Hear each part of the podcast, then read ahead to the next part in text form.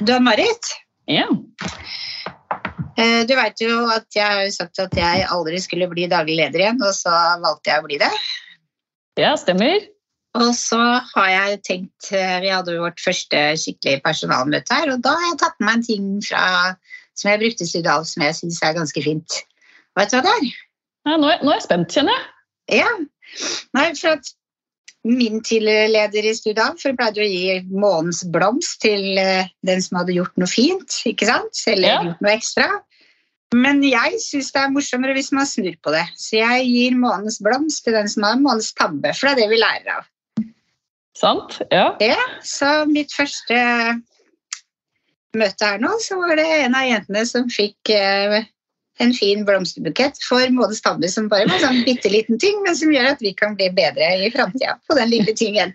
Og det syns jeg var så gøy. For Da slipper man liksom å strebe etter å være de snille, flinke pikene, men det kan være helt ålreit å bare gjøre noen feil, og så lærer man av det. ja, det er så smart. Jeg husker du gjorde det i Studie Alfa. Ja, ja. Jeg liker det, jeg. Det kommer noe godt ut av det òg. Det gjør det. Mm, så sant. Nok fra meg.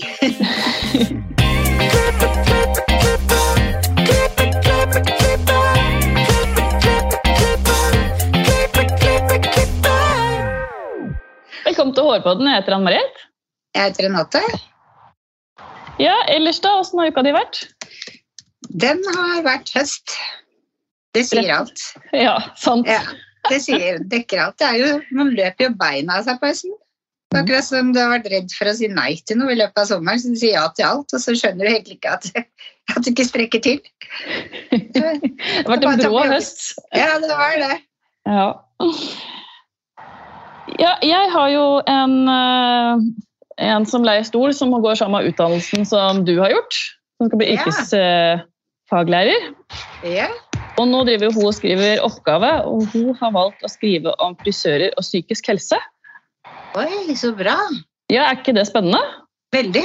Ja, Det er ble, veldig spennende. Og veldig opp i dagen. ja ikke sant? Så hun, eh, hun har intervjua meg da, som en av de eldre frisørene. Det har kommet hit. Ja, ja tydeligvis så har jeg det. Nei da, det, jeg, jeg tar den. Ja. uh, og så foreslo hun det at uh, et tiltak man kan gjøre, er å ha felles lunsj. Ja. Det syns jeg var så smart. Akkurat som kontorer, sånn legekontorer. De har jo, du ringer ikke legekontoret klokka tolv, for da vet du at du har lunsj. Ikke sant? det faktisk hadde funka i en frisørsalong òg? Ja. Skal du teste ut det? Jeg, jeg har litt frista til det, for jeg, jeg, som sikkert veldig mange av dem som hører på, er veldig dårlig til å ta lunsj. Ja. Da kan du koble det opp på Instagrammen din, sånn at vi andre kan følge deg hvordan det funker å ha felles lunsj som frisør. Kan jeg utfordre deg på det? Ja, den er grei. Jeg tar den. Kan, kan jeg ta det etter jul? Jeg vet ikke om jeg klarer det før jul. Ta det etter jul.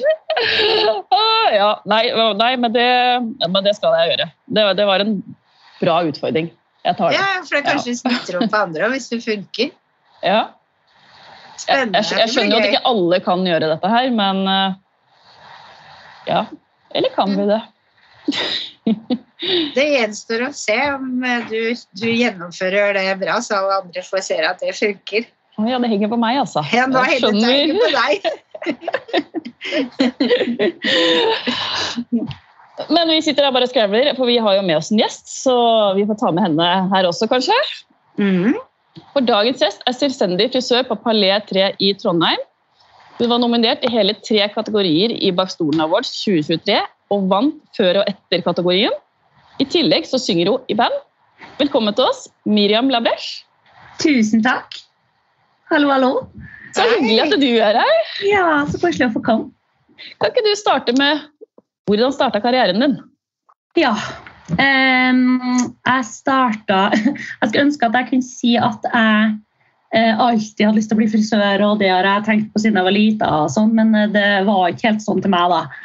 Jeg skulle jo bli popstjerne. Uh, som alle andre fjortiser, kanskje, men jeg, jeg hadde det som en sånn seriøs drøm. da. Og kom ikke inn på musikklinja. Så eh, da eh, måtte jeg begynne å tenke litt nytt, og så måtte jeg tenke litt sånn Hva er det jeg liker? Hva er det jeg vil holde på med? Og jeg, jo, jeg er veldig kreativ og jeg er veldig sosial. og eh, Brikkene datt litt sånn eh, på plass eh, underveis. Jeg hadde lyst til å bli klesdesigner og kanskje jobbe med interiør. og Jeg var liksom all over the place, eh, som man gjerne er når man er 16 år. da. Og så kom jeg inn på frisørlinja, og så bare elska jeg første dag på skolen. Det var bare som en sånn, eh, det var som et lys som ble slått på. Så følte jeg meg så hjem og hadde verdens beste lærer. og nei, det var, det var en drøm å begynne på frisørlinja. Hvor, når, Så- hvor lenge siden, når, når begynte du på frisørlinja? Oh, herregud. Jeg var russ i, jeg var russ i 2006. Skjønner. Er vi i samme kategori her? Ja, det er lenge siden. Ja, da var jeg russ, så da, da begynte jeg i 2005 da, på frisørlinja. Herregud, det er rart å si. Eh, ja, jeg gjorde nå det. Eh, og så eh, starta jeg som lærling. Jeg jobba i en, en frisørkjede som heter for, heter for Klipperiet. Eh, og den er overalt i Trøndelag. Eh, og så fikk jeg og Jeg elska lærlingtida mi òg. Jeg hadde eh, verdens beste læreplass. Og var, vært veldig godt tatt vare på. Så der følte jeg meg bare kjempehjem. Og så ble jeg gravid som 19-åring. Så da ble det jo naturlig brems i den eh, i, i liksom karriere, karrieren min, som så vidt hadde begynt, egentlig. Eh, jeg rakk ikke å fullføre lærlingtida. Og um, dattera mi på den gangen hun ble eh, for tidlig født. To måneder før tida. Og hun døde dessverre i krybbedød. Så når jeg var 20 år, da, så var jeg liksom ja, helt uh, litt sånn lost, egentlig. Og så tok det veldig lang tid før jeg på en måte fikk meg tilbake igjen eh, i jobb, eh, naturligvis. Jeg, jeg jobba litt sånn strøjobba, jeg tok litt sånn stylingoppdrag. Um, og så tok det litt tid, for jeg ble litt sånn motarbeida av Nav, egentlig. De trodde ikke at jeg klarte gå tilbake i salong, og de syntes liksom at frisøryrket nei, det, det var for tøft. Og det ble for tungt for deg, Miriam, fikk jeg høre. Uh, ja, og det syns jeg var så rart, for jeg elska jo jobben min. Og jeg følte liksom at det var fristedet mitt, og det, det er det fortsatt. Uh, så jeg starta egentlig bare å gjeste, gjestefrisere litt i salonger som trengte litt ekstra hjelp. Og så fikk jeg tilbud om å starte en helt ny salong i Trondheim som eh, den gangen skulle het eh, skulle vel egentlig het H2 Black Box. Det var en helt svart salong og eh, råkul eh, kult interiør, veldig hipt og veldig nytt. og Sånn som å komme inn på en kino slash nattklubb. Det var en veldig spennende salong. Jeg fikk tilbud om å starte der da, av Henki Jofstad, som driver H2-kjeden i Trondheim. Og der var jeg i eh, ni år. Og der fikk jeg på en måte utvikla meg mye mer. Der eh, fikk jeg litt spillerom til, til å finne ut hvordan eh, frisør jeg var. Jeg fikk eh, leke masse med sosiale, sosiale medier. Tok over liksom, Instagram-kontoene til de H2-salongene jeg var innom. Og eh, fikk eh, veldig mye frihet til å være ansatt i en eh, kjede. Så følte jeg at jeg fikk, veldig, jeg fikk leke meg mye. da. Og så eh, havna jeg til slutt eh, Ja, jeg ble mamma igjen. Jeg fikk en eh. Jeg har en sønn nå da på seks år. Så når jeg sa han, så så um, etter mammapermisjonen så havna jeg jo i en ny H2-salong. En annen H2-salong. Eh, Der havna jeg med verdens beste medarbeidere. Eh, For der var vi da fire småbarnsmødre. Oi. Vi var litt i samme Alle var i samme, på samme sted i livet, og, og det var en sånn utrolig bra gjeng.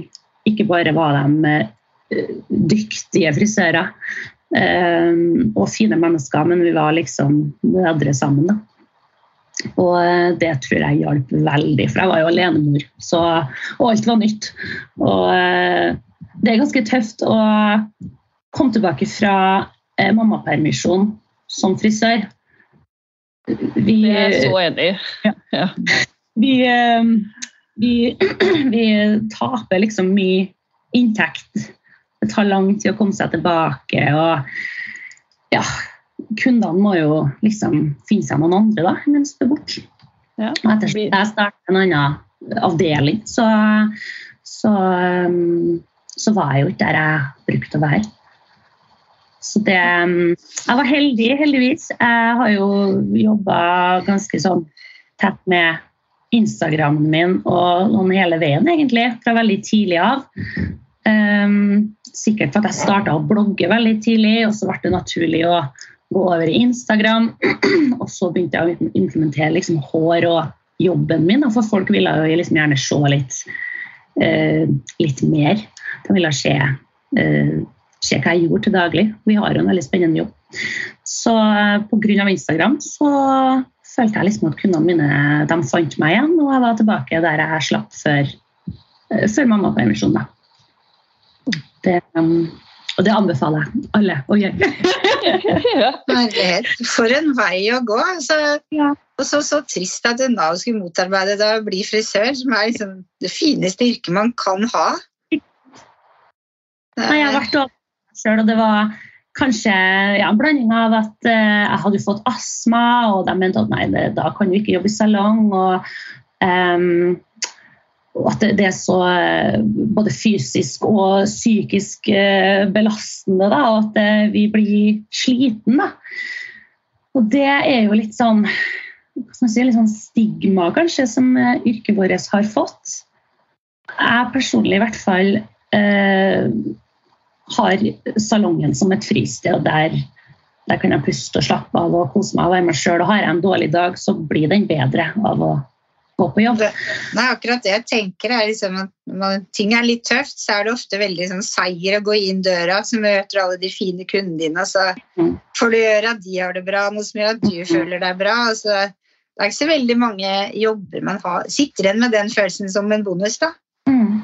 Nei, det er ikke det. Det er liksom eh, Det var så deilig å få komme tilbake. Eller jeg sneik meg tilbake på egen hånd. og det var liksom godt å komme tilbake til folkene sine. liksom, Enda jeg var på en ny, ny salong, og det var nye folk og, og mange nye kunder, så var det liksom bare Du var tilbake i den atmosfæren du, du likte å være i. da. Det Ja, jeg er glad for at jeg gjorde det. Sjøl om det på en måte ikke var eh, var det, jeg, det de mente jeg burde gjøre. da. De mente at jeg burde omskolere meg. Men hvor lenge var du i den salongen med småbarnsmødrene? Vi var sammen i, i to år. Um, og det var ja, Covid eh, skjedde jo oppi alt det der også. Um, og da fant jeg ut at uh, det var et fryktelig dårlig tidspunkt kanskje å skulle finne på noe nytt på. Men eh, det var noe som bare slo meg. Og det ser jeg jo at har skjedd med veldig mange frisører eh, rundt om i hele Norge. At eh, korona fikk oss til å begynne å tenke litt nytt. og så Flere har starta egne salonger. og så ble kanskje bare sånn inspirert og fikk litt sånn mark i ræva. og fikk litt lyst til å bare åh, jeg må ut og røre meg, jeg må gjøre noe mer. Um, selv om det var en eh, utrolig dårlig tid å skulle begynne å gamble på noen ting som helst. Men jeg hadde eh, fått et tilbud tidligere av eh, Kristine Svanem i Trondheim om å komme og leie stol eh, på Palais 3. Da var jeg jo på det tidspunktet alenemor med en eh, ettåring og skulle tilbake på jobb etter permisjon, og det var eh, ikke riktig timing, følte jeg. Jeg måtte tilbake til noe som var litt trygt og litt satt. og ja, Jeg måtte tilbake til noe jeg visste hva var. Jeg hadde ikke råd til noen sånn oppstartsfase og, og drive og gamble med noen ting. Men så fikk jeg meg samboer, og um, han uh, pusha litt på det å, å bli selvstendig. Um, og det syns jeg er litt rart, for han er ikke noe sånn her, uh, han er ikke noe vågal.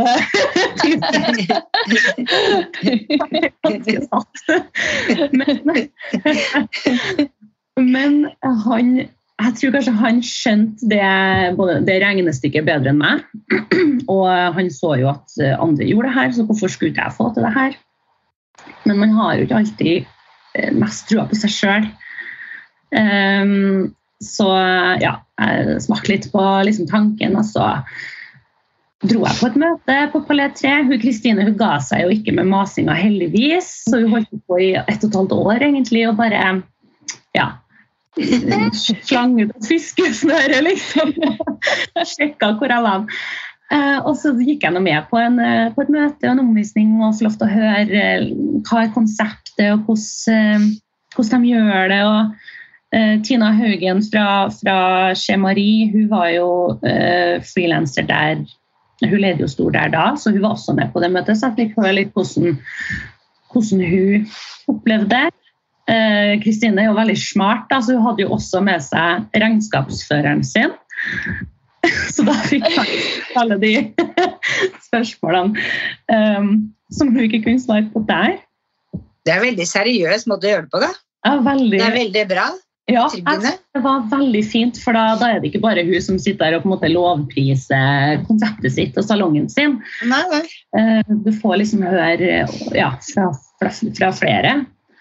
Um, og det føltes jo litt absurd å skulle sitte der og vurdere noe annet når jeg, kom, når jeg allerede var i, jeg var i verdens beste salong med verdens beste team. Og med, med verdens beste leder, Monica Theodorsen. Hun har vært den beste lederen jeg noen gang har hatt. Men det var liksom bare noe som ja, noe måtte skje, da. Og så En av kollegaene mine fra, fra H2 den gangen, hun ble faktisk med på det møtet. Uh, ikke fordi hun vurderte å gå frilans, men hun ville være med og høre for meg. da. Uh, hun vet òg at jeg kan bli litt ivrig, og så jeg kan ta litt av og bli litt sånn uh, Og kanskje ja, være litt impulsiv. så hun, hun, var, hun, er på en måte skeptikeren av oss. Hun var med, og hun satt og hørte på. Og så gikk vi ut, og så sier hun Andrea da, til meg at du vet at du må gjøre det her. Og så sier jeg herregud, men enn du, da? Nei, jeg skal ikke gjøre det her. Jeg, hun skulle flytte til Spania, faktisk. Så hun hadde ikke noe idé om å gå frilans, hun bare var med for å høre, høre opplegget. Og, um, det var en hel gjeng altså, som satt der? Ja, ja, var, det var oss to, og så var det én eh, frisør som vurderte en frisør til. Eh, men hun, hun, kollegaen min som var med, hun, hun, hadde jo egentlig ikke noen tanker om å gå frilans. Hun skulle jo, de skulle jo flytte utlandet. Hun skulle bare være for min, for min skyld. Hun, for hun var nysgjerrig, hun ville høre hva greia var. da.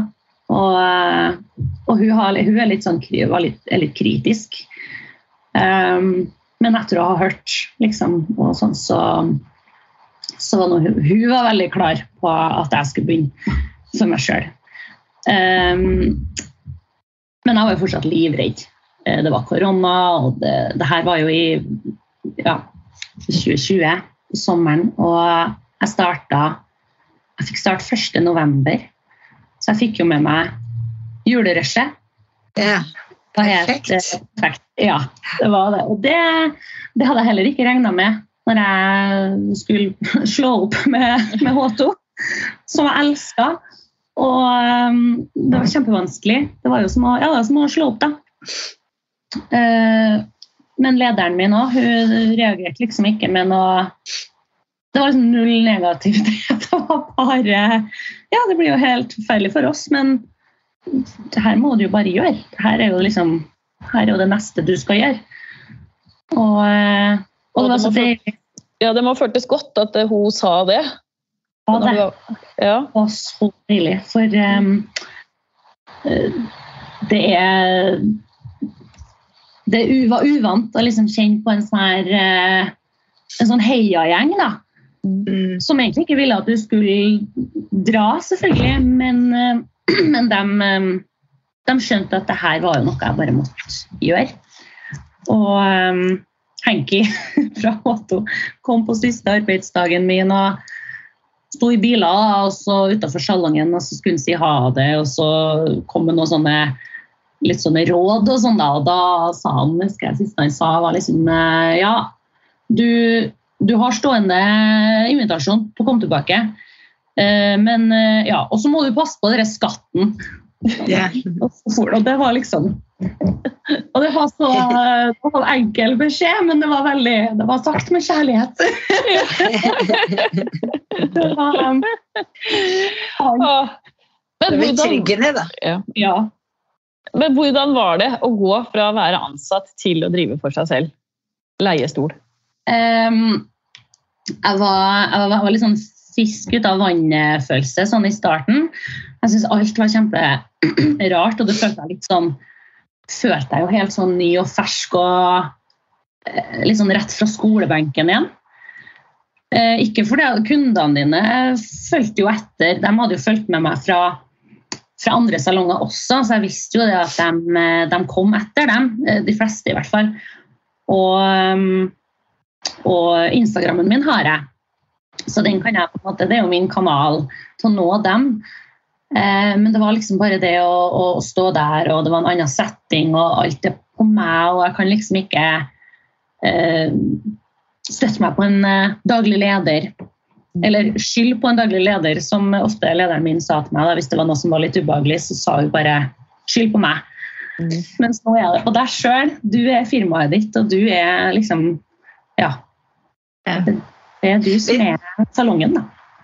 Så det var også litt sånn uvant. Jeg trodde vi skulle stå mer på bar bakke og, og, og jobbe mer alene. Og, men vi, det er akkurat som å jobbe i en, en hvilken som helst annen salong og være ansatt. Vi er et team, og vi hjelper hverandre. og vi, ja, vi, vi gjør egentlig mer, eh, mer sosiale ting.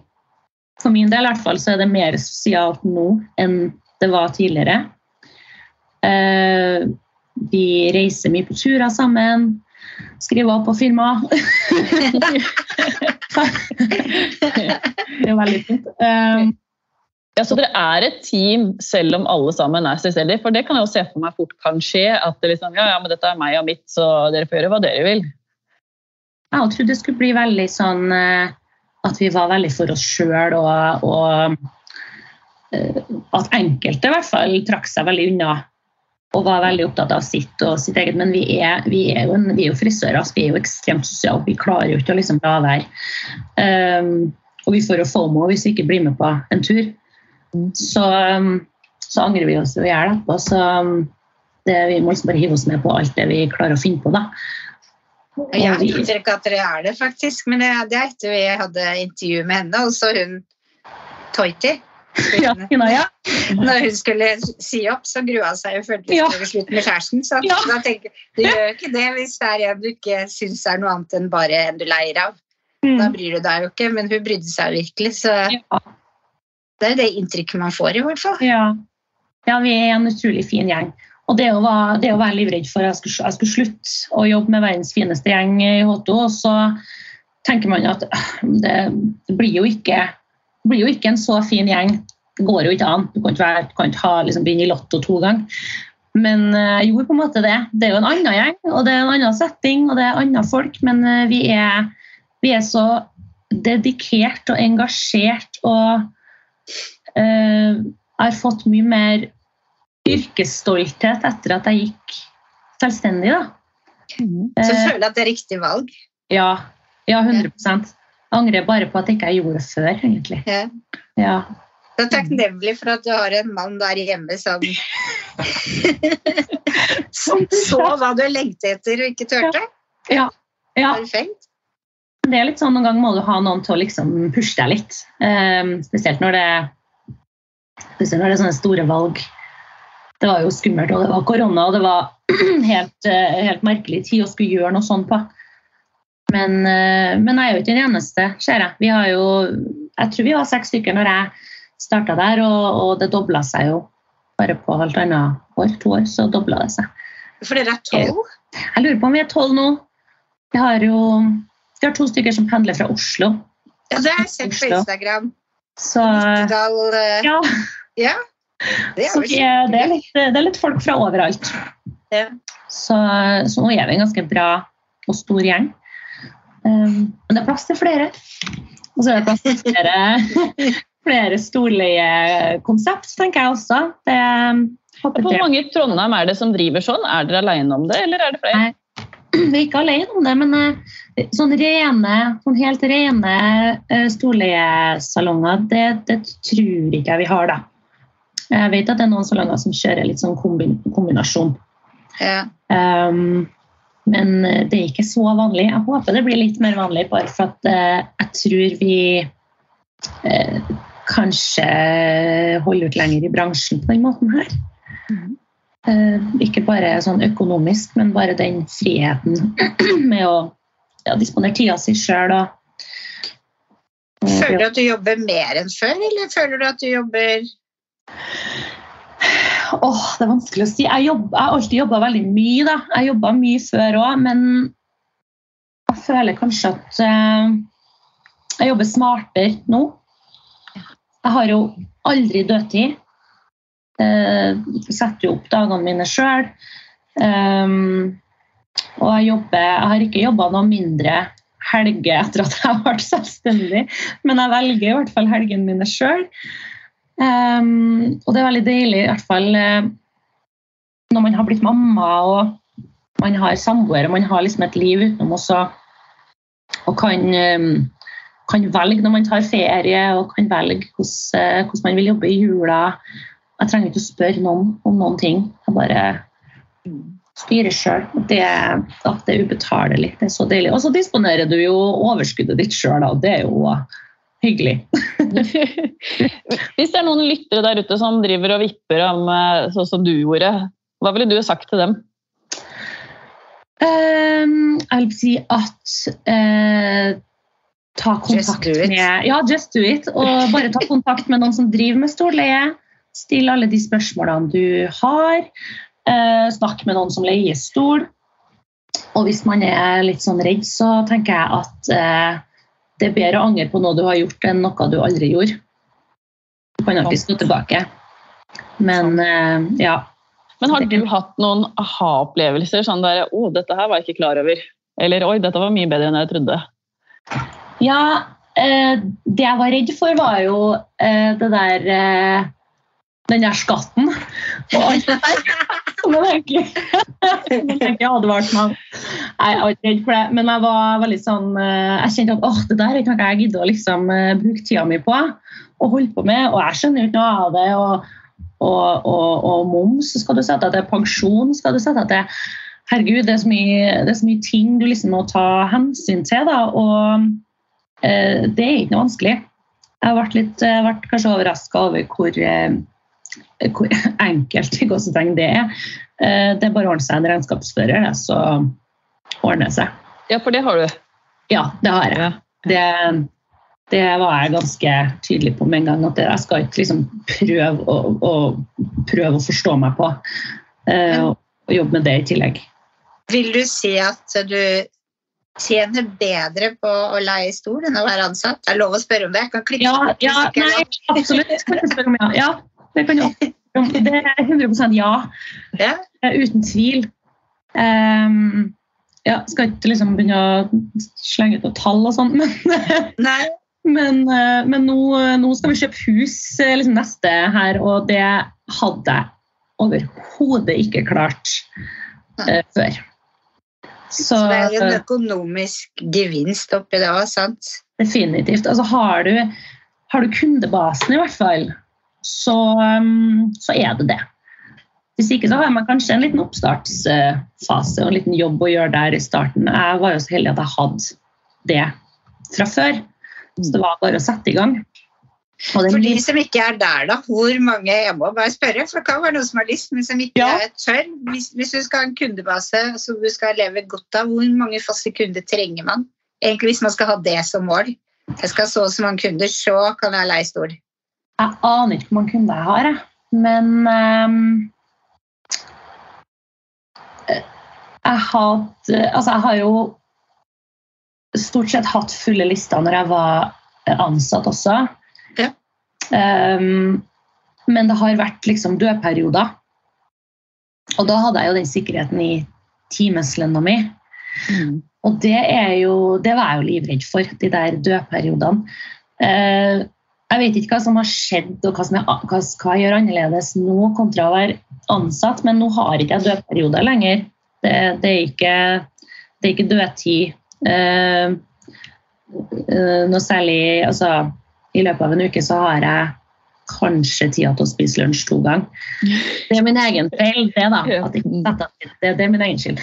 Men, eh, men før så hadde, hadde jeg liksom perioder hvor det var nå er det rolig, og det er fordi det er september, og det er fordi det er fellesferie og bla, bla, bla. Men nå så har jeg ikke det, og det er nok fordi at jeg, jeg setter, setter opp setter opp uka mi sjøl. Eh, og jeg tror fordi jeg hadde ganske mange kunder da jeg var ansatt, så har det liksom bare balla på seg. Det vekst, du vokser jo bare. Um, jeg er usikker på hvor mange kunder jeg vasker jeg har. Men uh, jeg må si jeg er imponert over de uh, unge jentene som har starta til oss på Palais de siste årene, uh, som kanskje ikke hadde samme kundebase utrolig dyktige jenter og utrolig engasjert, dedikerte frisører. Men de hadde kanskje, alle hadde kanskje ikke den her massive kundegruppa. Og de er ikke fra Trondheim. Og det, det så jeg òg at var ganske annerledes. Det er veldig annerledes for dem, for de har ikke de her, de har ikke vokst opp med folk her. og Det, det er lettere for meg, da. Det er som det er i Bergen, det. Ja, ja, det er, det er sant. Men tenk hvis man skal ha seg et mål, da, så bør man kanskje tenke at du i hvert fall kanskje bør ha 50-75 faste, og så kan man heller jobbe med å få de flere. Hvis de skal sirkulere hver femte-sjette uke, da. Mm -hmm. Jeg ser jo det at uh, Venteliste er jo liksom blitt uh, noe vanlig nå. Noe som jeg kanskje kun hadde eh, desember og mai før. Mens nå er det liksom Nå er venteliste noe man må benytte seg av oftere. Og så øh, merker jeg òg at kunder som da kommer seg inn på lista, de tviholder jo på den plassen. De vil jo ikke ha den på venteliste igjen.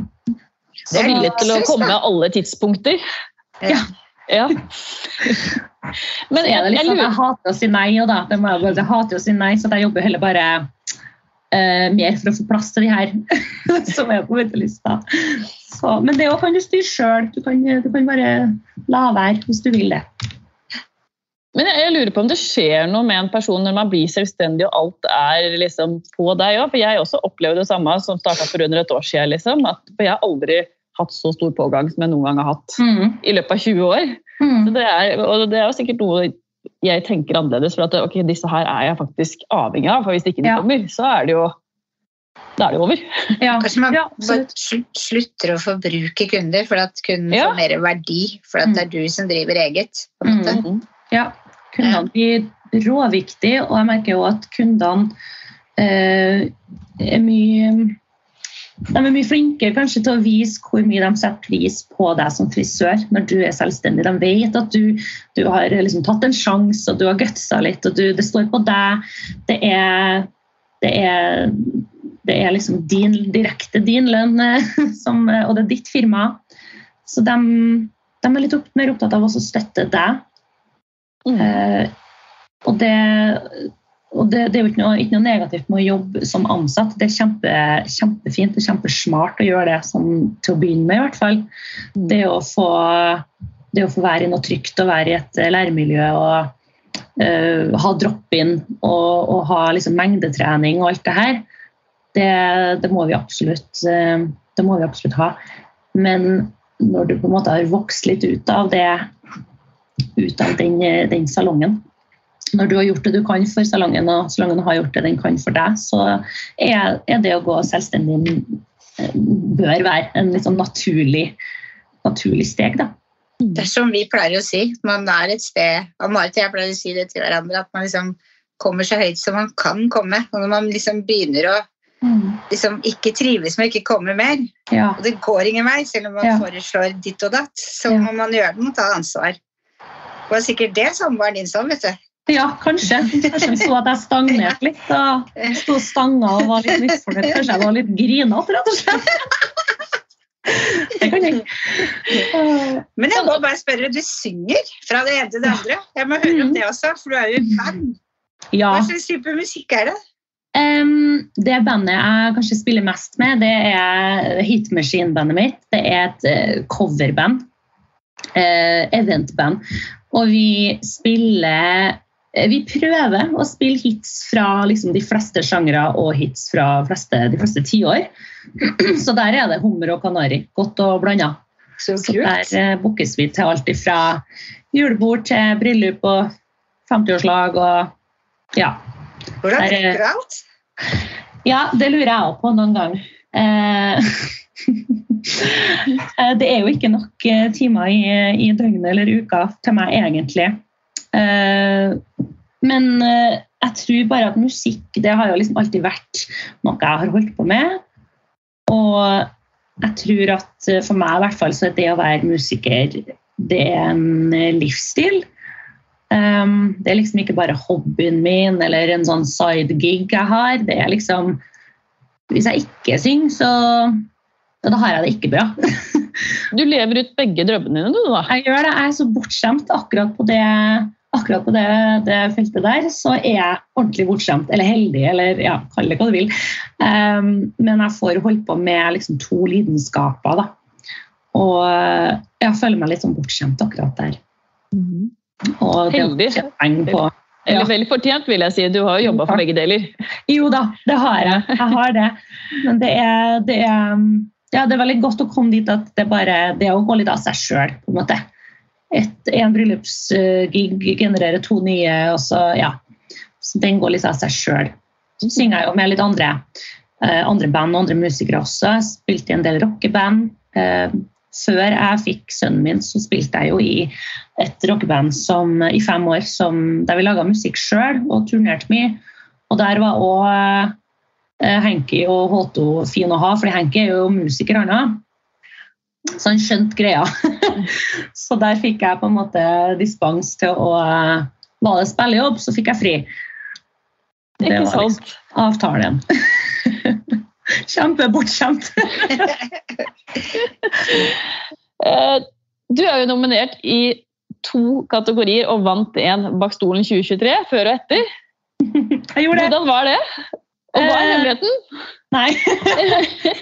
Eh, det var så stas. Det, jeg, det var første gangen jeg meldte meg på. Eh, Så hadde jeg egentlig ikke noe, hadde ikke noen forventninger, egentlig. Men jeg syns sånne ting er veldig artig. da. Jeg er jo veldig glad i å bruke Instagram, og jeg elsker bak stolen-konkurransen fordi eh, alle kan melde seg på. Det er liksom ikke noen begrensninger der. Eh, så jeg heier meg nå rundt og bare ja, fikk eh, slengt inn noen bidrag. Eh, ble nominert i to kategorier. Ja, da eh, skjønte jeg egentlig ingenting. For da satt vi på et sånn produktkurs eh, i salongen sammen med eh, Pretty Good og, og Miriam, Miriam Quevedo. Ja. Og så sier plutselig han eh, eh, ene som er der, at eh, ene selgeren at eh, Oi, gratulerer med award, eh, med nominasjon, og forresten. Og så skjønte jeg ingenting, for at vi satt ikke på telefonen vår. Så, uh, og så tikka det inn én til, bare rett etterpå.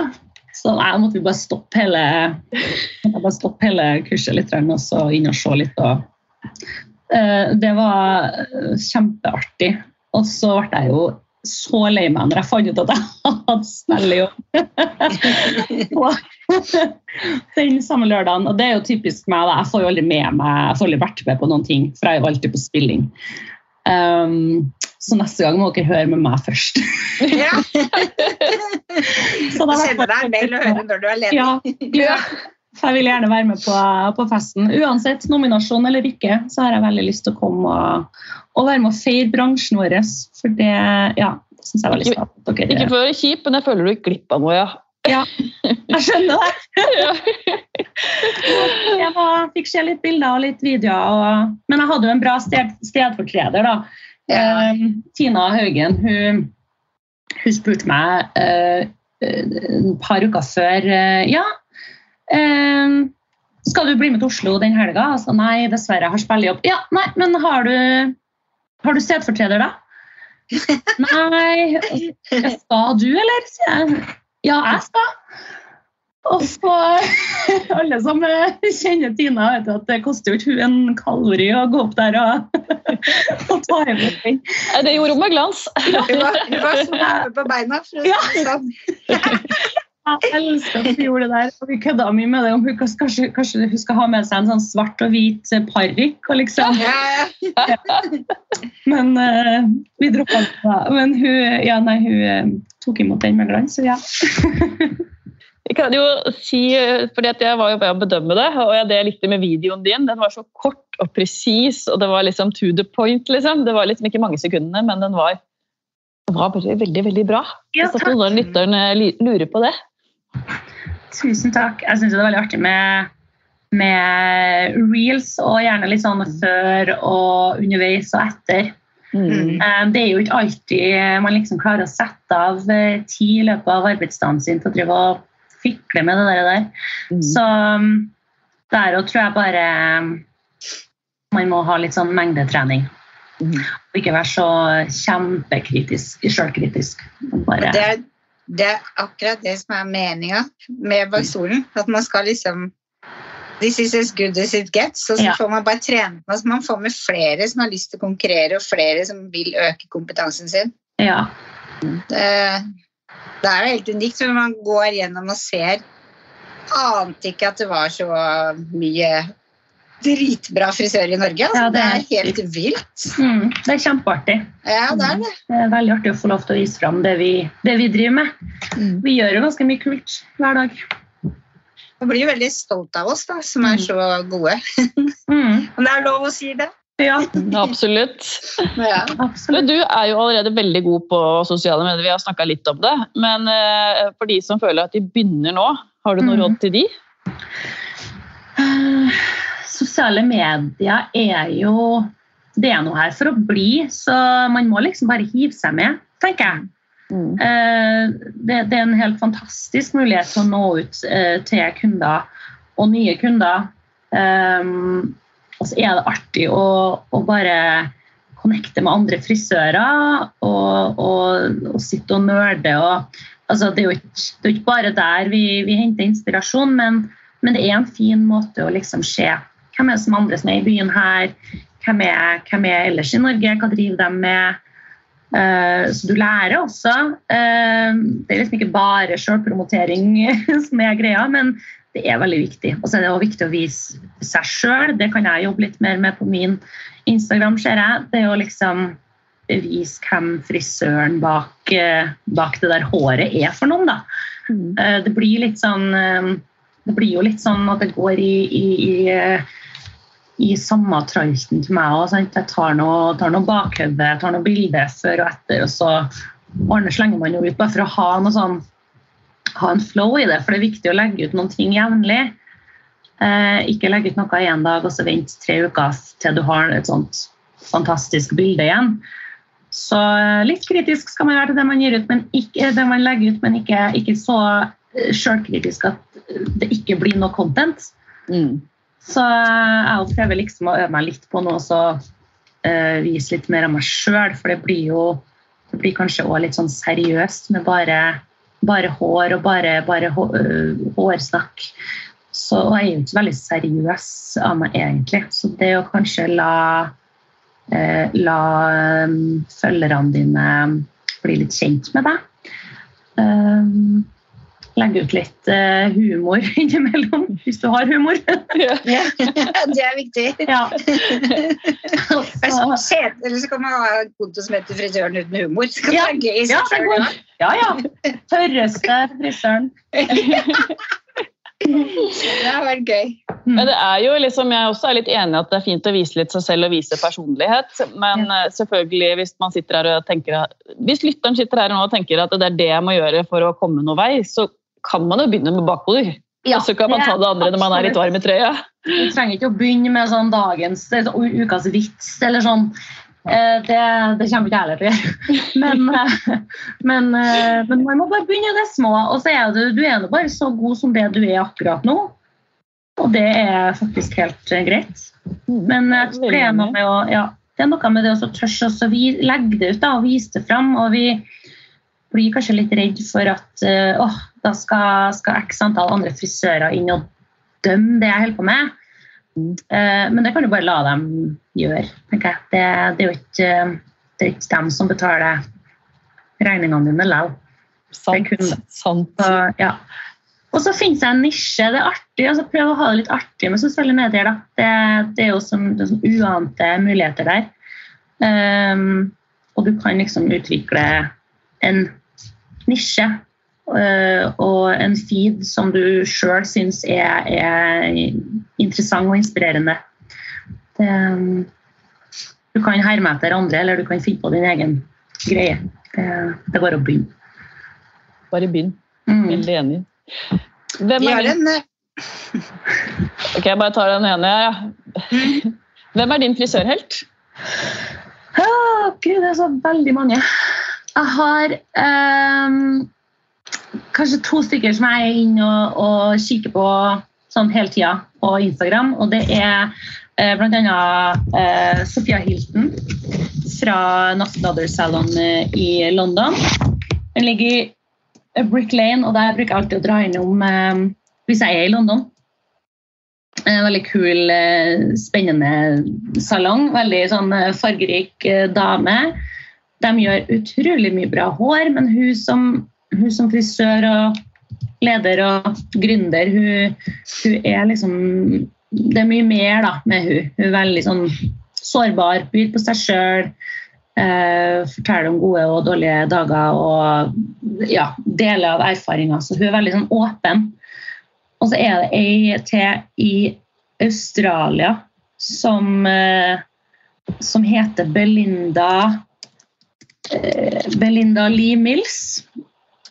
Eh, salongen heter vel for Pipsqueak Saigon. Og den Instagram-profilen syns jeg er så fin å se på. Der blir jeg så inspirert. Hun Belinda der, hun lager så mye fine farger, og det er så mye bra tekstur, og det er rundbørsteføn, og det er ruller, og det er bare åh, helt sinnssykt fine, fine frisyrer. Og så er det ei i Norge her da, som jeg syns har Altså, hun lager så deilig hår. Det er sånn hår du har lyst til å jeg har lyst til å sleike på det håret. det er Laila, Laila Pettersen. Å ja. Altså det, det, ser så, det ser så digg ut, det håret der. Så Veldig enig. det er mine tre sånne Ja, tre av mine mange frisørhelter. Det går liksom ikke an å velge, vet du. Men eh, ja, eh, jeg syns det Laila gjør, da, det, det er sånn jeg skjønner, Er det ekte? liksom? Det ser ut som det er flytende hår. Det ser ut som det er glass. Det, hun er så god på farge. Hun er kjempedyktig på det. Veldig enig. Mm. Er det Vella du jobber med? Jeg gjør ikke det. Eh, Jeg er jo sånn eh, jeg er å banne, jeg er sånn merkehore. Sånn, ja, etter at jeg ble selvstendig, så har jeg liksom grabba til meg alt jeg, alt jeg liksom klarer å få tak i av kjemi. Da. For jeg, det er jo farge jeg liker best. Og, ehm, jeg jobber kanskje mest med Four Reasons. Eh, jeg var Tigi- Tigi-dame før. Eh, og gått over til Four Reasons Luxima Optima. Men så har jeg litt My Identity, jeg har litt Color Me, jeg har fortsatt litt uh, Fudge og i hylla mi. Og veldig mye Crazy Colors. Jeg, jeg klarer liksom ikke å finne en eh, Crazy Color-produsent som lager alt jeg trenger i løpet av en uke. Da. Jeg må ha alt fra pastella til UV, UV-farge. Det høres ut som en spennende hylle. Ja, den er, den skje- den er så, den er så skitso, den eh, farge, de fargesettene mine. Det, det ser ut som et kaos, men det er, det er orden i, i kaos. Altså, loven. Skjønner. Vi har fast spalte vi, med ti kjappe spørsmål. Er du Ja. klar? Ok, Farge eller klipp? farge. Favorittprodukt? Eh, akkurat nå så er det Supershine fra Orway. Langt eller kort hår? Langt. Sjokolade eller chips? Sjokolade. HM eller Holsweiler? Hva sa du? HM eller Holzweiler? Jeg skal ønske jeg kunne si Holsweiler, men jeg handler mest på HM. Ja. Norge eller Syden? Syden. Naturlig farge eller crazy color? Crazy color. Øl, vin, bobler eller drikk? Bobler. Sassoon eller Guy Tang? Guy Tang. Instagram eller TikTok? Instagram. Se der, ja. Det gikk kjapt. ja. Tusen, tusen takk for at du kom og var gjest hos oss. Takk for at jeg fikk komme. Jeg kjenner at det er vi som må ha den der lunsjen klokka tolv. i Ja. løpet av denne timen. Ja. og følg oss gjerne på Instagram, Facebook og TikTok. Og vi kan høres alle episoder på iTunes og Spotify. Gi oss gjerne stjerner på iTunes og følg oss der, så hjelper det oss med å vokse. Vi høres neste uke. Ha det!